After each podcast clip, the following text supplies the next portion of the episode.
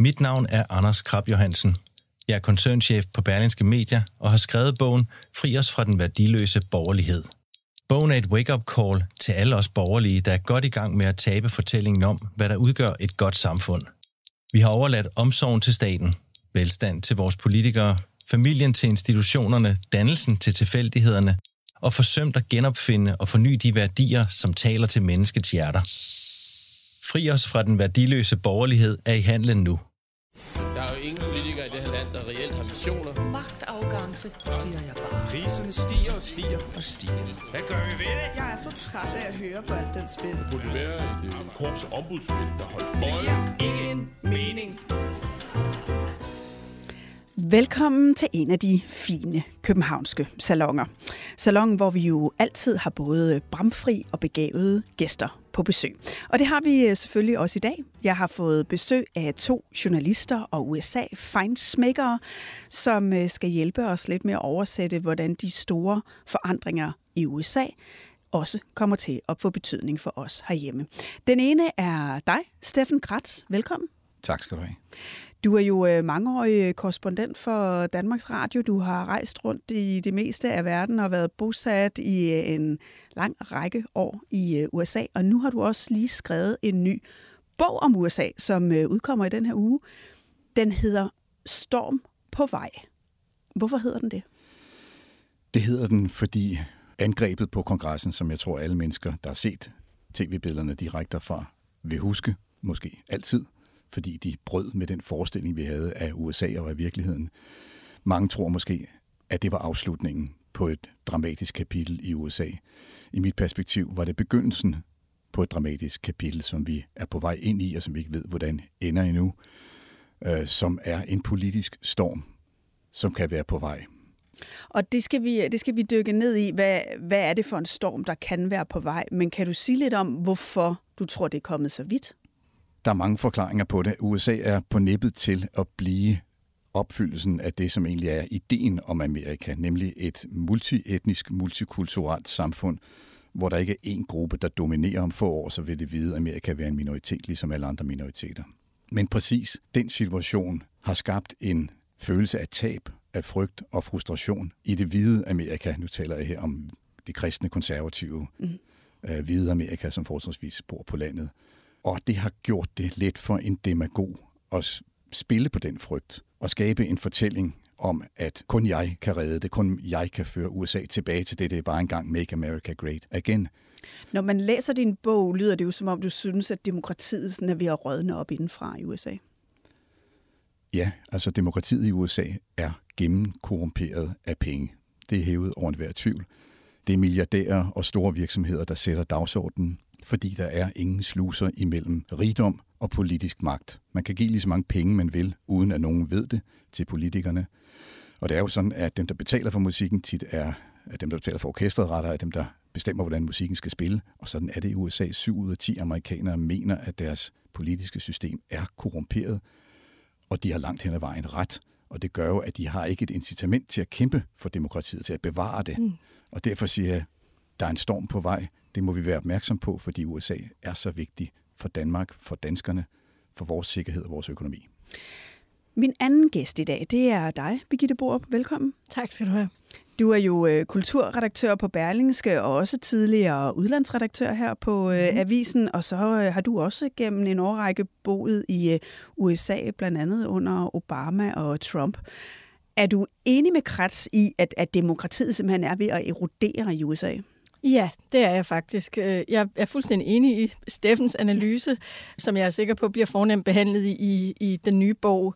Og det, jeg hæfter mig ved, øh, at det du siger øh, om amerikanernes manglende tillid til, at politik rent faktisk er noget, der virker. Jeg synes kun evidensen for det bliver stærkere og stærkere, altså at amerikanerne ikke længere betragter det politiske system som noget, de på nogen måde kan regne med eller bruge til noget. Jeg så så sent som i går en måling, der viste, at omkring 5 procent af amerikanerne tiltror tror den amerikanske kongres at være i stand til at opnå resultater, der rent faktisk gavner dem. Og det siger jo ikke så lidt om, altså hvor landet er strandet. Det, at man har et øh, land, hvor institutionerne, søjlerne under samfundet gradvist er blevet savet over øh, over en lang årrække, og nu er det reelt. Det der, det, det, der driver USA nu, er frihedstanken.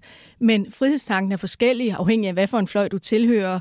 Og det vil sige, at det fællesskab, der var engang, hele den lim, der bandt samfundet sammen, den er opløst, øh, og den fælles sandhed, amerikanerne forholdt sig til, den eksisterer ikke mere. Og når man er der, så har man et land, der har det svært kulturelt, politisk, demokratisk, øh, og i forhold til den sammenhængskraft, som et hvert vestligt demokrati nødvendigvis skal leve af og nære sig af åndeligt. Og det er jo helt vilde tal. Det kan godt være, at vi taler om øh, politikerlede herhjemme og, og polarisering, men når vi ser de tendenser, der er i USA, så må vi jo trods alt sige, at det stadig er, er vand i forhold til. Men der er, det er altid sådan, at tendenser i USA, det rammer som regel også på et eller andet tidspunkt, og det skal vi øh, tale videre om nu. Velkommen i Østergårds Salon.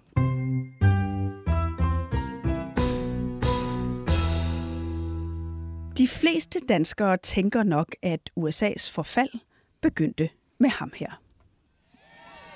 So with American pride swelling in our hearts and American courage stirring in our souls, I say these words to you tonight. We will make America powerful again. We will make America wealthy again. We will make America strong again. We will make America proud again. We will make America safe again. And we will make America great again. Thank you, Ohio. Thank you. Thank you very much. Ja, Birgitte, det er jo ret tydeligt. Trump har jo sit crowd med sig, og han er meget øh, dygtig jo til at motivere det. Hvad er det, der har forandret sig så markant i USA over de seneste valgperioder? Jamen, altså hvis man går tilbage til øh, dengang øh, Trump blev valgt i, i 16, der havde han jo allerede på det tidspunkt gjort sig til formand for en bevægelse og ikke et politisk parti. På det tidspunkt, der red han jo ind i det hvide hus på sådan en grobund af trangen til at prøve noget nyt, entusiasme, øh, politisk rebelskhed hos mange vælgere, en træthed over Washington, en anti-establishment-tanke, som bredte sig øh, bredt i samfundet. Øh, og så gik det jo ellers over stok og sten. På det tidspunkt vidste man jo heller ikke, hvad det ville betyde at få en præsident som ham, fordi det var relativt uprøvet land. Mange havde også en idé om, at der ville være en form for kontrol med, hvad præsidenten kunne magtmæssigt i det hvide hus. Øh, og den, man, var, man følte, sådan, når, når han først kommer derind, præcis. så skal embedsmændene nok tage over, så kan det ikke gå Det vil normaliseres, og det gjorde det ikke. Altså, det, det må vi bare konstatere. Det blev simpelthen en, en valgperiode, øh, hvor alt var kaos. Øh, og nu er vi her så igen. Og, og når vi er her igen, så er det jo fordi, at den bevægelse, Trump fik startet, at den har bidt sig fast. Han har simpelthen fået skabt en personificering af det politiske, øh, som øh, har sat nye standarder for, hvad politik er for en størrelse i USA. Øh, og det vi ser er, at omkring en 30-40 procent af de republikanske vælgere, de identificerer sig i højere grad med Trump. Altså de ser ham som deres politiske holdepunkt, ikke det republikanske parti. Det er blevet parti. en trumpisme, som har overtaget partiet i Lige virkeligheden præcis. for mange af dem. Øh, Men trumpismen ja. er jo ikke en ideologi. Det er jo super vigtigt at forstå. Han har ikke et politisk program som sådan. Det er en mand, der forstår at sætte ord på den følelse af frygt og vrede og tab, som den hvide befolkning i dele af landet føler. Så det er ikke en politisk bevægelse, det er en identitetsbevægelse. Han har forandret det mm. republikanske parti fra at være et klassisk politisk parti med nogle holdninger til, hvordan USA skulle være ordnet, hvordan USA's rolle i verden skulle være, til at være en identitetsbevægelse.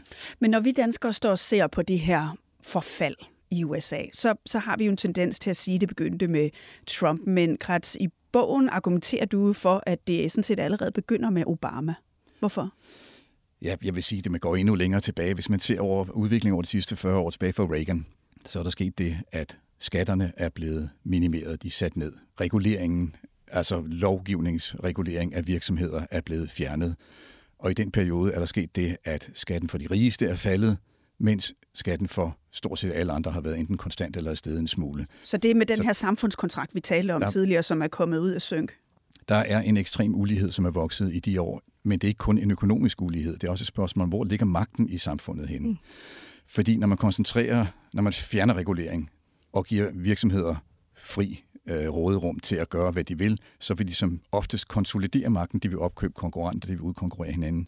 Mm. Man ser i dag for eksempel, at et firma sidder på halvdelen af al internethandel. Amazon, ejeren, Jeff Bezos, er flyttet til Washington. Han har flyttet eller lavet et hovedkvarter nummer to i Washington, med god grund, fordi han vil påvirke regulering, så hans firma ikke mister den markedsposition, de har.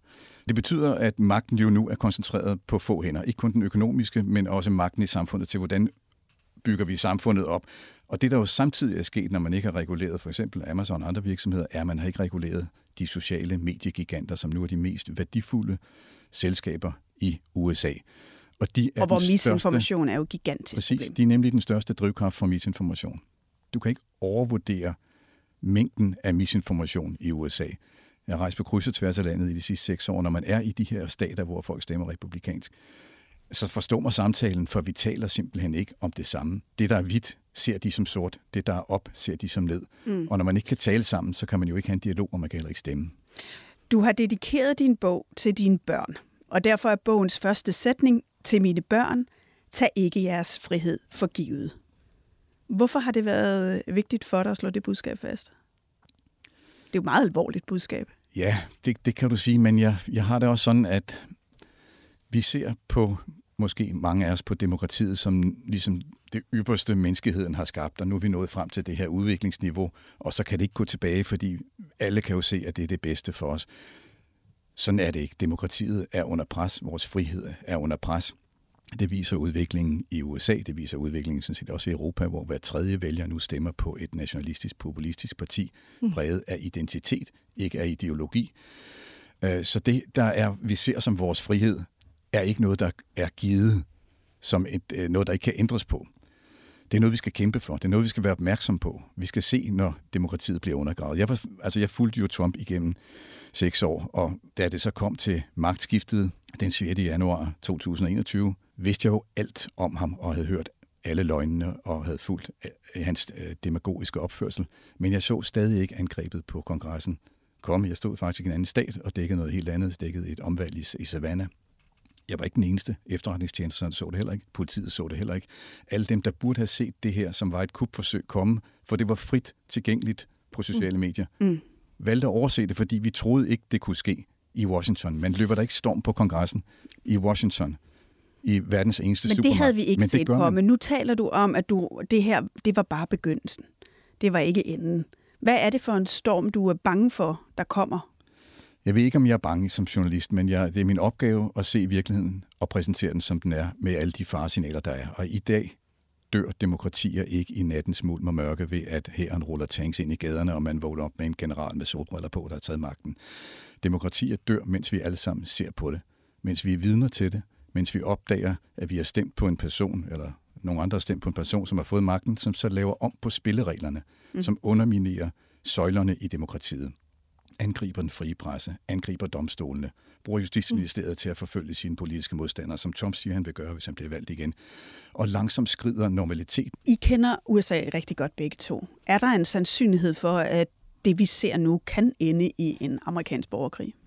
Jeg er meget i tvivl om, det bliver sådan en væbnet øh, borgerkrig, men jeg synes allerede, der er en, en form for sådan åndelig borgerkrig i gang, og den har været i gang længe og det, øh, som Steffen taler om, altså det er jo ikke længere sådan guerillakriger, sådan, der, der trænger ind og nedbryder demokratier. Altså for USA's vedkommende har det været de sociale medier, det er på YouTube, på Twitter osv., at man har nedbrudt det fællesskab, som øh, tidligere skabte et samfund. Og borgerkrige handler jo dybest set om, altså hvis fællesskab er vigtigst, altså hvem, hvem skal vi være som nation? Den kamp har været i gang allerede i mange år, og jeg tror, den kommer til at fortsætte, kommer, den kommer til at intensiveres. Og i land, altså, hvor der er, er flere våben per indbygger, end vi bryder os om at tænke om, så er det jo nærliggende at tro, at det kan komme til kampe på et eller andet tidspunkt. Men jeg er meget i tvivl om det, og jeg er meget i tvivl om, det bliver i vores liv. Krets, hvad tror du? Altså, jeg, jeg har ikke set nogen steder i historien, hvor det rent faktisk er lykkedes for folk øh, i eliten at blive så rig på bekostning af alle, hvor det er gået godt. Og hvordan det ender, altså om det bliver en borgerkrig eller hvad, det kan jeg ikke forudsige her.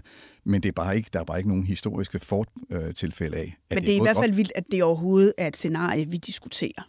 Øhm, hvis vi holder en lille smule tiltro til demokratiet lidt endnu, øhm, så øh, lad os prøve at kigge frem mod det næste demokratiske valg.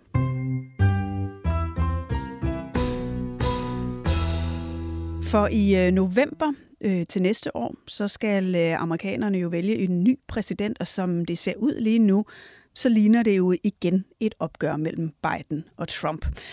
Altså på den ene side en mand, som står over for fire straffesager, som har været genstand for en rigsretssag, hvor han blev frikendt, øh, og på den anden side en 80-årig mand, som virker som om han har lidt svært ved at navigere alle sanser på én gang.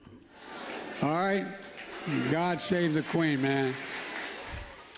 Ja, her det er Biden, som siger, God save the Queen. Måske ikke lige husket, at, at dronningen jo ikke regerede over USA, og i øvrigt var øh, afgået ved døden på det her tidspunkt. Det er ikke øh, nogen kønne eksempler, øh, vi ser fra de øh, to øh, øh, kandidater.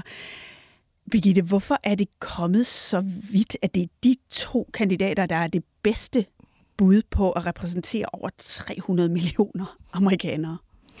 Jamen, altså det er jo en lang øh, række af begivenheder. Man kan sige, at, at det pres, øh, Trump har udgjort altså for USA som helhed, har han jo i særdeleshed også sat øh, det demokratiske parti under Øh, og det, at, at Biden blev kandidat øh, ved valget i 2020, det skyldes en eneste ting, og det var, at det var Trump, han skulle møde.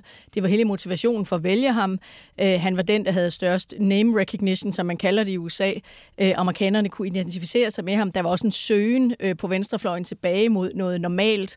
Selv unge vælgere, der havde nul og en hat respekt øh, for Biden, og som øh, kampagnede under hashtagget Settle for Biden, de gik rent faktisk hen og stemte på ham, selvom de synes, han var en røvsyg kandidat, rent udsagt. Men, men, men nu det lykkedes ham.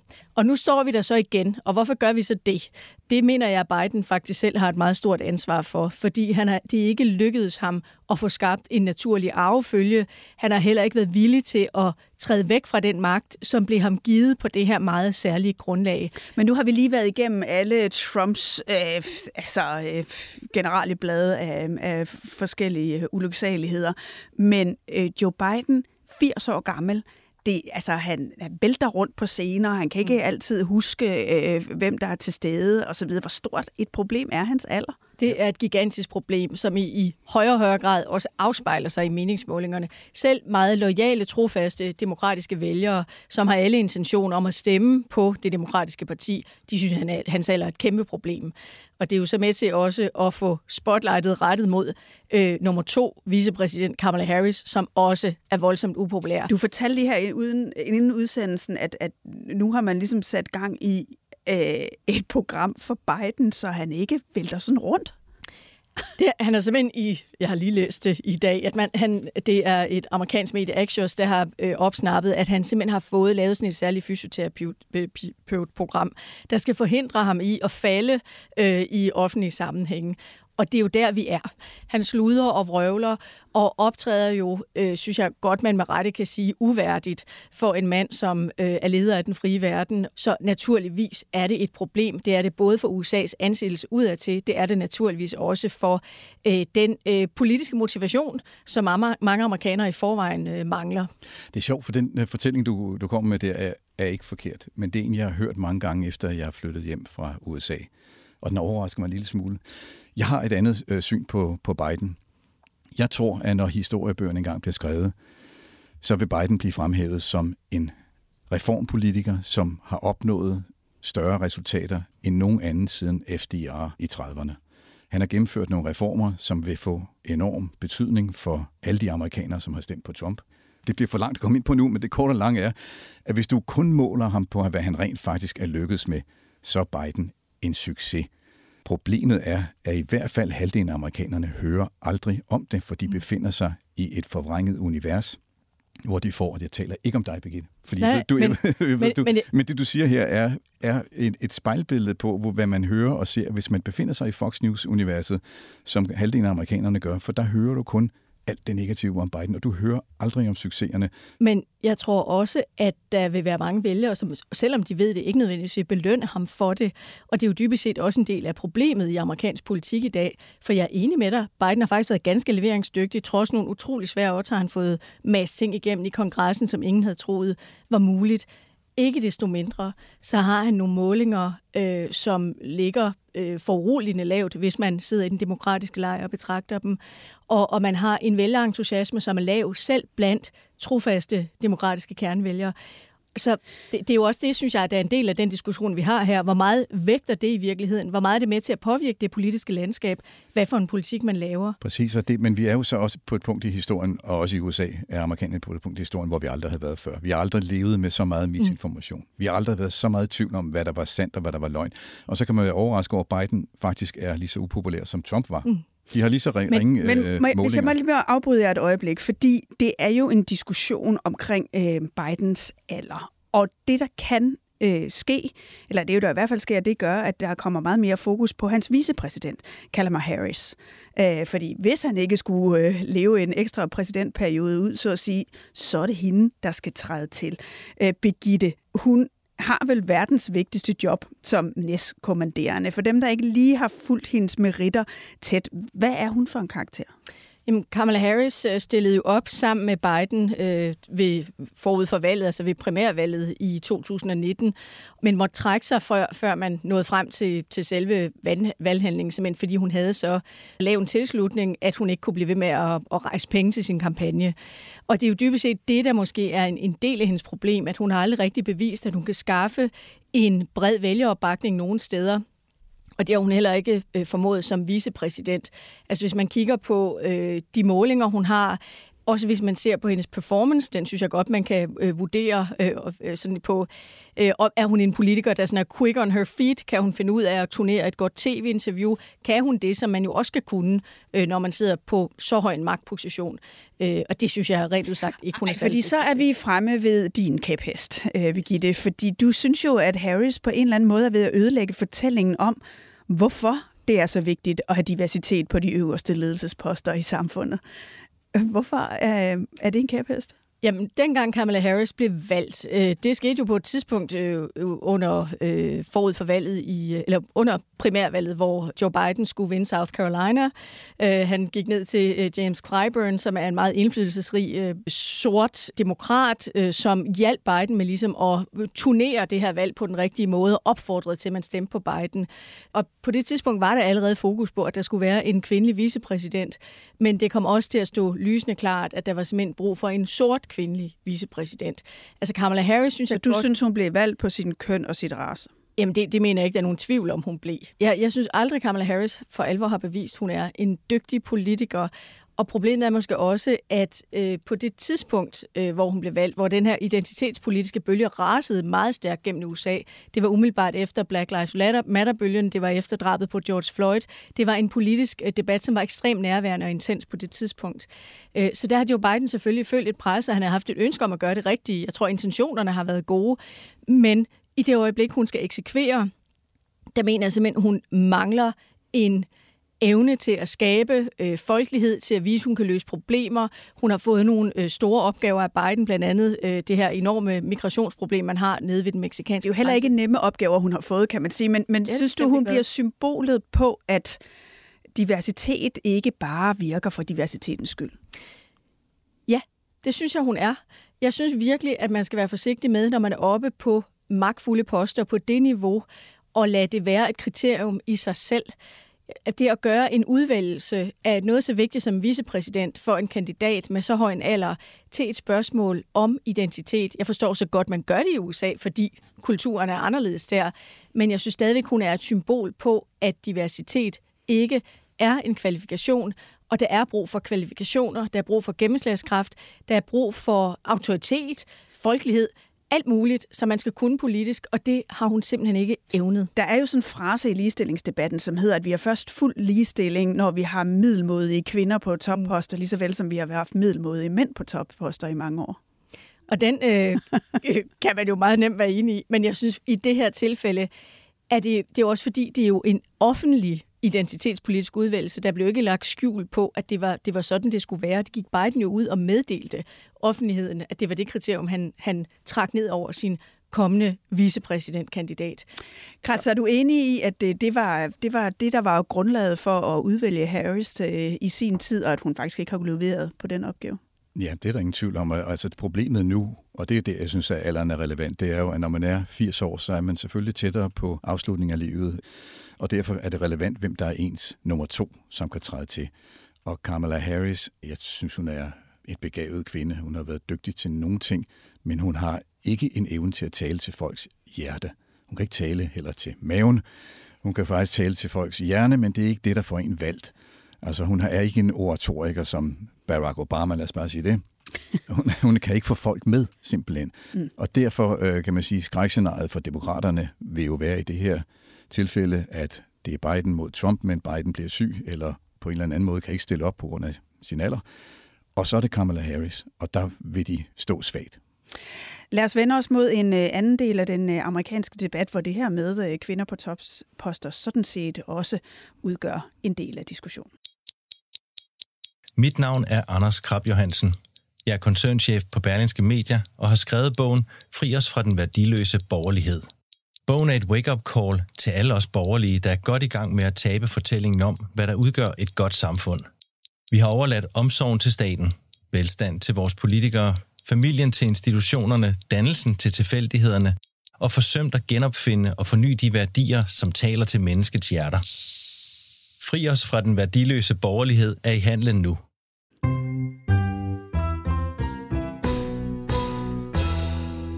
For noget af det, der virkelig har været med til at polarisere øh, amerikanerne, det har været hele bevægelsen vogism altså spørgsmålet, hvor køn og race, kvinders rettigheder, abort, klima og mange andre af de her store tendenser har været med til at forme vores øh, debat. Og nogen synes jo, at det går for vidt i Danmark, men det er jo vand i forhold til, hvad, øh, hvad vi ser i USA. Kratz, du fortalte mig, at du også øh, oplevede den her vogueism helt ned i dine egne børns skolegang. Hvordan? Ja, jeg ved ikke, om det er wokeism, men, men altså mine børn ved alt om slaveriets historie og om borgerrettighedskampen, som jo også er utrolig central for at forstå Amerika. Du mener, der er en politisk vurdering i, hvad er det, man underviser i? Jeg vil bare sige, der er jo en andre sider af den amerikanske historie, som man også kunne have kastet sig over og brugt lige så ihærdige øh, kræfter og ressourcer på. Men det, øh, der, hvor jeg boede, var meget, meget demokratisk område i det nordlige del af Washington. Der fokuserede man nok meget på de steder, hvor det gør ondt. Men lige så langt som de går på venstrefløjen i USA, altså lige så tydeligt de her identitetspolitiske øh, tendenser er, øh, lige så øh, stærkt begynder anti bevægelsen jo at få fat. Øh, vi så det jo i Danmark her i sommer, øh, hvor den danske virksomhed Christian Hansen jo lige pludselig kom til at miste både nogle ordre og også fik en øh, gedin shitstorm, fordi de ikke mm. kunne navigere i det amerikanske marked, hvad det her angik. Hvor godt har den antibevægelse fat, Birgitte? Jamen, den har jo så godt fat, at jeg vil våge den påstand, at woke i dag er nok det største skældsord på den amerikanske højrefløj det, det er simpelthen blevet sådan et, et masse begreb for, for alt det, øh, højrefløjen afskyr øh, ved venstrefløjen. Det er, at man sidder i al sin frelste venstreorienterethed øh, og vil forsøge at styre samfundet ud fra sådan nogle øh, overmoralske principper. Så woke er i dag simpelthen synonym med øh, alt det, det højreorienterede USA, i hvert fald store dele af det, synes der er i vejen med øh, det demokratisk øh, styrede Amerika. Og vi kan jo godt se nogle af tendenserne herhjemme. Altså den identitetspolitiske bølge er jo også rullet ind over dansk politik, og jeg synes jo, det er, det er tydeligt at se, at der er jo øh, partier på højrefløjen, som godt kan se en position her, mm. altså i at være anti-vogue. Nu ser vi for nylig Dansk Folkeparti rullet ud med, med øh, kampagner om, at det er okay at være normal og være politisk ukorrekt. Er der i virkeligheden et potentiale for øh, de danske partier, hvis vi lige prøver at vende blikket lidt hjemad øh, på, på den danske højrefløj til at udnytte sådan en anti bevægelse inden, i endnu højere grad? Ja, det mener jeg, det er. Altså, jeg synes jo, vi så det øh, under valget, øh, hvor Inger Støjberg jo helt klart slog på nogen af øh, de samme mekanismer. Dansk Folkeparti har gjort det måske med, med knap så stor succes. Inger Støjberg har været forbløffende tav, synes jeg så, siden valget. Jeg synes ikke, hun er kommet ud af udkants Danmarks sige, der er ikke meget, vi hører fra hende. Det er der ikke, og det, det undrer mig faktisk, for jeg mener, der er et enormt potentiale øh, politisk i udkants Danmark, og, og i de forsømmelser, de i mange år øh, i store dele af, af Jylland, Lolland Falster osv. Øh, har været udsat for, øh, fordi altså den måde, de har fået lov at dø hen på siden kommunalreformen. Og det var jo det, Inger Støjberg egentlig havde lagt op til. Nu vil hun ud og kæmpe for dem. Øh, og, og det kunne Men det er hun ligesom om, at det ikke sådan for sådan helt fat. Altså nu havde vi, vi havde det gule Sønderjylland på et tidspunkt med mm. Dansk Folkeparti. Vi havde Paludan, som var lige ved at blive valgt ind i, øh, i Folketinget. Øh, vi har en lidt øh, en ophobning af, af, af mindre partier ude på højrefløjen, men det er jo ikke, jeg synes, det er jo ikke sådan, at det får fat helt på samme måde, som vi har set i USA. Men, men der skal man jo heller ikke underkende forskellene på det danske og det amerikanske samfund. Altså, vi har et væsentligt højere uddannelsesniveau. Vi har et flerpartisystem, som jo også giver mulighed for at kanalisere og ventilere øh, de politiske følelser i mange retninger. Øh, altså det amerikanske topartisystem er jo en væsentlig del af årsagen til, det pres, vi ser nu politisk, og det, og det her øh, store besvær med at finde et, øh, et fælles ståsted. Så på den måde er det danske samfund, de har, vi har i Danmark et bedre boldværk mod den her type tendenser, end der er i USA. Men jeg synes, det er ret tydeligt jo også efter seneste valg, hvor vi pludselig fik en, en øh, midterregering. Midten blev ligesom vagt til live igen, at der er en række af de borgerlige partier, som prøver at finde ud af, hvordan skal de stille sig i den her nye tid. De seneste uger, der har vi diskuteret de konservative rigtig meget, fordi der var et landsråd i øh, weekenden, hvor øh, formand Søren Pape Poulsen jo satte et nyt konservativt kompas, som hedder Stærke Rødder i en omskiftelig tid. Han har særlig fokus øh, på familien. Lad os lige høre et øh, enkelt lille klip fra hans landsrådstale. I en verden, der konstant forandrer sig, er familien en konstant. Familier kan udrette så ufattelig meget, men de har også brug for nogen, der tænker på dem. Er det her med familien i fokus, er der noget, der vækker lidt øh, genhør på noget af det, du har, øh, har hørt i USA, Chris? Ja, men det, det er jo sådan et, et, et klassisk republikansk tankegang, at hvis bare de unge giftede sig tidligt, øh, stiftede familie og gik på arbejde og så i kirke om søndagen, så ville samfundet se helt anderledes ud, og så ville det være godt. Og det, det er jo fint med, med klassiske konservative øh, værdier. Jeg vil sige, et parti som det konservative Folkeparti og andre etablerede partier bør jo vide, at uhyret ligger lige nede under overfladen og venter på at bide dem i haserne. Og det, når jeg taler om uhyret her, er det øh, populismen og nationalismen mm. og identitetspolitikken, som selvfølgelig også findes i Danmark. Hvis vi bare lige spoler tiden lidt tilbage, det der jo øh, skabte rum for øh, Dansk Folkeparti, var mm. jo nationalisme og frygt for indvandrere. Det var jo i hvert fald et anti-establishment. Det var jo sådan, at selv om øh, Dansk Folkeparti sad i nærmest det, der lignede en flertalsregering, altså VKO-samarbejdet, så havde man meget travlt med at sige, at man var anti-establishment, selvom man måske var nogle af de allermest magtfulde i dansk politik i, i få æraen. Bestemt, men den, den populisme og nationalisme er jo ikke blevet mindre, som årene er gået. Det er Dansk Folkeparti, der er blevet mindre, men der er også andre, der er taget over. Hvis man kigger ud i Europa, så er øh, den del af det politiske, altså de strømninger, bliver stærkere og stærkere. Som jeg sagde før, hver tredje vælger i Europa stemmer på et nationalistisk-populistisk parti. Mm, men fordi... det er også fordi, de konservative partier har, er jo inde i en forandring også i Europa. Nu er der de konservative i Danmark her, som prøver at holde fast i nogle rødder. Det tror jeg sådan set er sådan en god klassisk konservativ politik, at når alt forandrer sig, når vi diskuterer køn og normer osv., så er der et fast holdepunkt.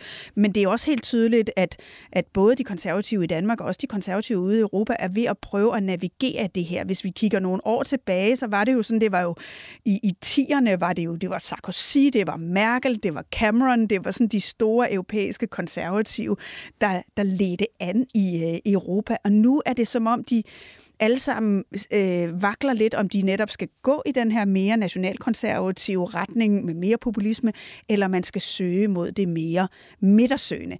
Vi havde i weekenden et øh, interview i Berlingske med den britiske professor Tim Bale, øh, som sagde, at de gamle konservative partier står i det her dilemma, hvor de traditionelt har været kompromissøgende og moderate, men det passer ikke helt til de venstrefløjs tendenser, der præger vores tid. Han sagde, det stiller de konservative partier i et vanskeligt dilemma. Skal de holde den moderate linje fra de seneste årtier, eller bevæge sig ud på den mere kulturkonservative højrefløj, som kendetegner de populistiske partier, undskyld, så de kan afværge udfordringen på deres højre flanke, eller skal de i stedet helt opgive deres nuværende centrum-højre position og søge hen mod midten?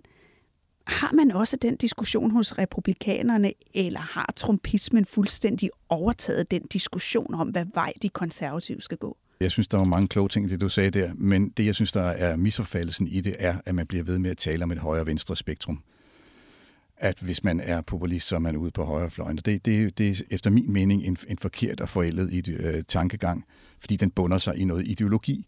Og det vi taler om her, det er identitet. Det er hvilken gruppe synes man, man hører til. Hvordan skal vi bevare vores indflydelse, vores magt, vores økonomiske position? Hvis vi bliver angrebet udefra, kommer der nogen, der vil have øh, vores plads i samfundet. Så det er identitet, det er mere end det højre og venstre. Og der bliver øh, konservative partier nødt til at se folks frygt og forstå den, og så komme op med et svar. Jeg har ikke svaret på det, men det er i hvert fald ikke svaret mm. at vende ryggen til det og sige, at vi gør, som vi plejer, fordi det er altid gået godt, og vi er nogle af de fine, og vi vil ikke tale om det der. Det bliver man nødt til, at man bliver nødt til at se på folks følelse af tab, af frygt for, at det den position, de har i samfundet, om det er de hvide republikanske vælgere ude på landet, den, eller det de er at folk i udkantsområderne i Danmark. En, det tab har Trump jo været enormt dygtig netop til at tale til, men mange danskere vil jo også se det, han udøver som, som ret ekstremt. Spørgsmålet er, om han bliver ved med at være så ekstrem, øh, fordi jeg noterede mig øh, den anden dag, at øh, Trump lige pludselig taler lidt anderledes om abort, som jo også har været sådan et stort identitetspolitisk spørgsmål, hvor han jo har været klar fortaler for i høj grad at indskrænke den fri abort. Men nu var han ude øh, for nogle dage siden og, og kommentere på, at Ron DeSantis i Florida har indført en meget restriktiv lovgivning, øh, som jo gør abort ulovligt efter bare seks uger. Det kalder Trump nu for en frygtelig fejl. Mm. Er han ved at blive mere pragmatisk, Birgitte, eller hvad sker der?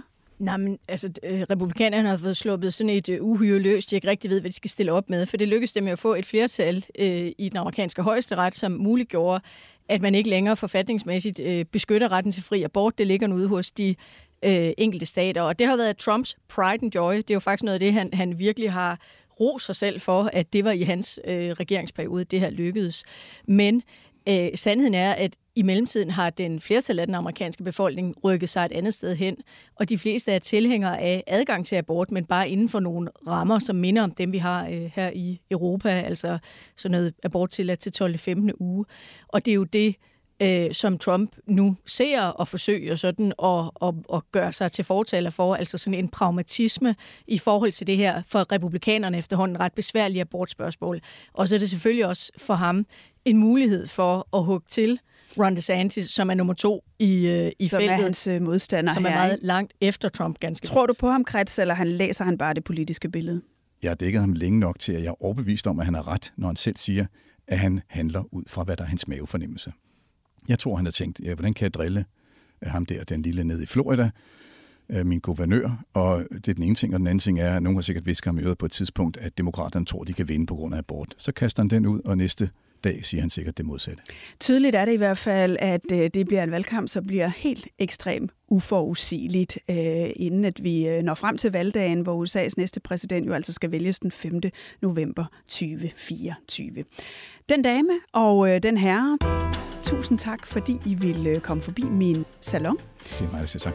I øh, næste uge, så åbner det danske Folketing. Og Mette Frederiksen skal holde sin åbningstale, som jo traditionen tro sætter retning for, hvilken vej Danmark skal gå de kommende år. Det kommer vi til at oversætte for jer her i øh, næste uges salon med to nye, begavede og bramfri gæster. Jeg hedder Mette Østergaard, producer var Amanda Bøje Hvid, på genhør i Østergaards Salon.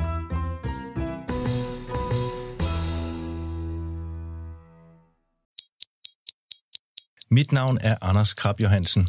Jeg er koncernchef på Berlingske Media og har skrevet bogen Fri os fra den værdiløse borgerlighed. Bogen er et wake-up call til alle os borgerlige, der er godt i gang med at tabe fortællingen om, hvad der udgør et godt samfund. Vi har overladt omsorgen til staten, velstand til vores politikere, familien til institutionerne, dannelsen til tilfældighederne og forsømt at genopfinde og forny de værdier, som taler til menneskets hjerter. Fri os fra den værdiløse borgerlighed er i handlen nu –